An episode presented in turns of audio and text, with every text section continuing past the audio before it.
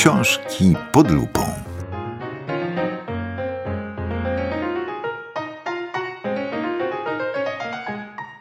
O opowiadaniach Natalii Suszczyńskiej rozmawiają Katarzyna Plichta-Szwarc i Anna Wysocka.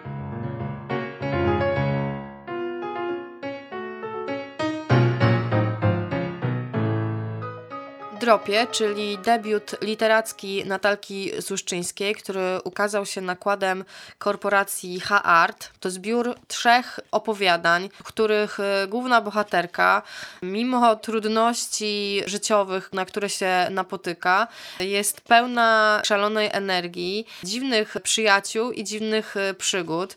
Ta książka ma bardzo rażąco różową okładkę, która bardzo mocno rzuca się w oczy i moim zdaniem właśnie cała ta książka jest pełna właśnie takiej krzykliwej energii, y, której nie da się zapomnieć i wobec której nie da się przejść obojętnie. Moim zdaniem to jest jedna z lepszych książek, która ukazała się w ogóle w 2019 roku. Polecam ją, ją każdemu i polecam ją także każdemu naszemu słuchaczowi. Ta książka idealnie wpasowywuje się w styl, sposób jakby widzenia współczesnej literatury przez e, właśnie Hart ja osobiście przynajmniej mam takie swoje przekonanie, że to jest wydawnictwo, które zawsze niezmiernie mnie ciekawi, ponieważ te książki często są mocno niedoskonałe literacko i tutaj też y, powiedziałabym niestety jedyną krytyczną rzecz w sumie dotyczącą tej publikacji to właśnie miałabym jakieś zastrzeżenia co do języka, bo jest to, widać, że to jest młoda autorka, y, jest tam mnóstwo literackich niedoskonałości, stylistycznych i tak dalej. Myślę, że część jest zamierzona,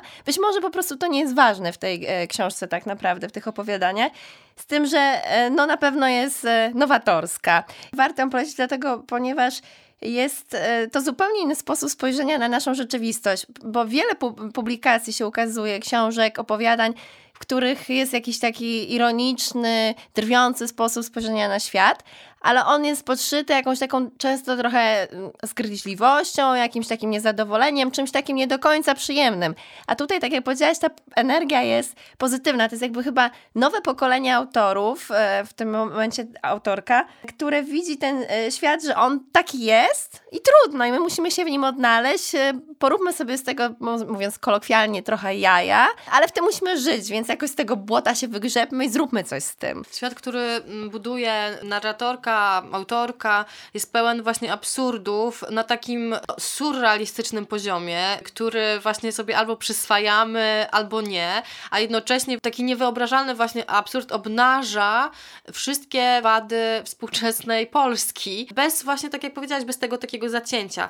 Wspomniałaś o tym Haarcie. Haart y, to jest wydawnictwo, które odkryło Dorotę Masłowską i na przykład dla mnie sporo młodsza Natalka Suszczyńska jest właśnie taką trochę Dorotą Masłowską pod tym względem, że jej mm, wyobraźnia i wizja rzeczywistości, to w jaki sposób ona czyta świat, połączone ze sposobem, w jaki pisze, czyli z, to, z tym stylem, ty mówisz, on jest może niedoszlifowany. niedoszlifowany, ale on jest bardzo oryginalny. Spójny. Y, I nie ma takiej autorki z taką wyobraźnią i z takim sposobem oddawania tego, w jaki sposób ona widzi. I to jest piękne. Y, fragment, który Państwo usłyszą, oddaje doskonale całość y, tej prozy.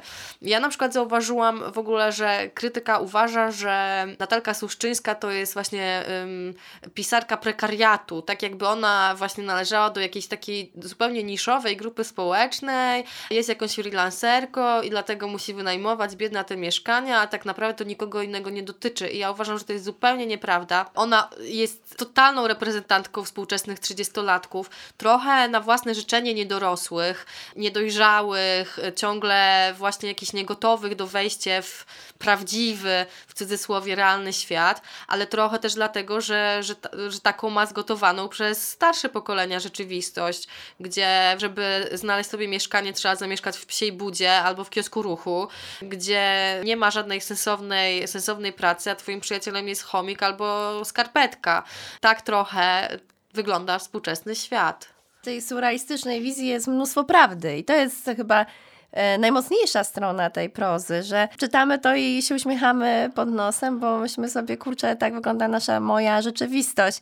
I to jest świetne. I to, co też powiedziałeś o wydawnictwie, wydaje mi się, że e, mocną stroną hartu to jest to, że oni dają przestrzeń ludziom, którzy nigdzie indziej by się nie odnaleźli, ponieważ to są tacy autorzy, którzy tak jak powiedziałaś tutaj o Natalce, e, są określani przez krytykę czy przez e, ludzi ze świata literatury, powiedzmy poważnych literatów, jako jakichś takich odmieńców, którzy piszą o jakiejś rzeczywistości, której nie ma, dla jakiejś niszy zupełnej, jakichś postpankowców, e, trochę jakiejś tak zwanej młodzieży alternatywnej, a potem się okazuje, że ta alternatywa to jest głos całego pokolenia. I tak jak było właśnie z Masłowską, wielu takich autorów, myślę, jest w Harcie, którzy e, później odeszli od wydawnictwa, poszli już do mainstreamu tak zwanego, dlatego, bo po prostu okazało się, że się świetnie sprzedają. I miejmy nadzieję, że Natalkę też taka przyszłość czeka, życzymy jej tego jak najbardziej, ponieważ na pewno jest autorką wartą uwagi i e, wartą e, śledzenia. Ja nie mam najmniejszej wątpliwości, że to jest właśnie taki głos, który chociaż y, w tej chwili niektórym się wydaje oderwany od rzeczywistości, będzie głosem wielu i tak, i nie tylko tego jej życzę, ja po prostu nie widzę innej możliwości.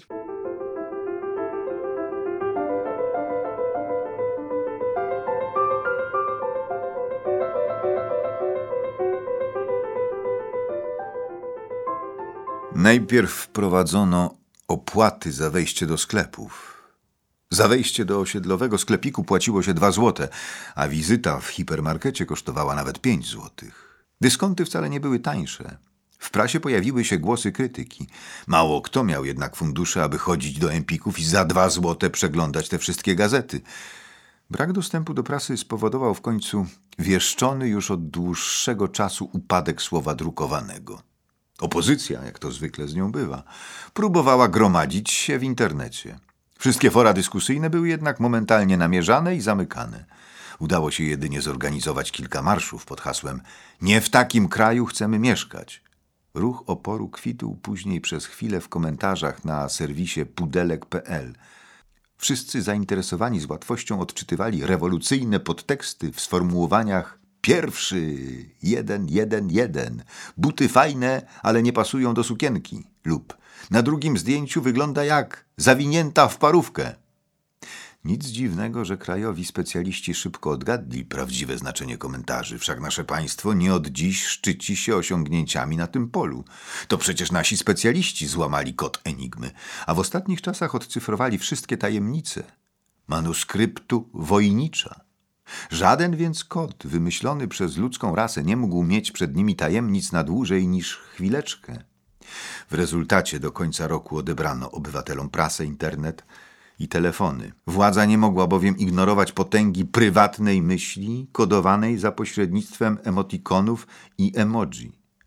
Wraz ze wzrostem cen mój status społeczny spadał. Praca w bankomacie nie była wymarzonym stanowiskiem, na czasy głębokiego kryzysu. Widywałam nawet salony pielęgnacji Jorków, prosperujące lepiej niż bankomaty. Jakoś tak jest, że zła koniunktura zniechęca do banków, ale wzmaga w ludziach ochotę pielęgnacji koafiur swoich pupili.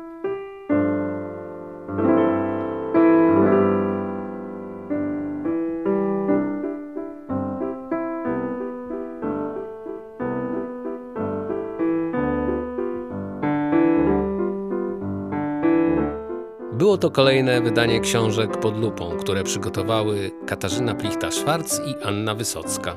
Realizacja Paweł Pękalski, opieka redakcyjna Marek Ławrynowicz. Teksty literackie czytał Andrzej Ferenc. W audycji wykorzystano muzykę Erika Satie. Adres redakcji Dickensa 15 mieszkania 91 02 382 Warszawa. Strona internetowa www.książkipodlupą.pl Adres e-mail redakcja małpa książkipodlupą.pl Audycję nagrano w studiu Made for Music. Strona internetowa madeformusic.pl Audycja powstała pod patronatem Ośrodka Kultury Ochoty w Warszawie. Do usłyszenia!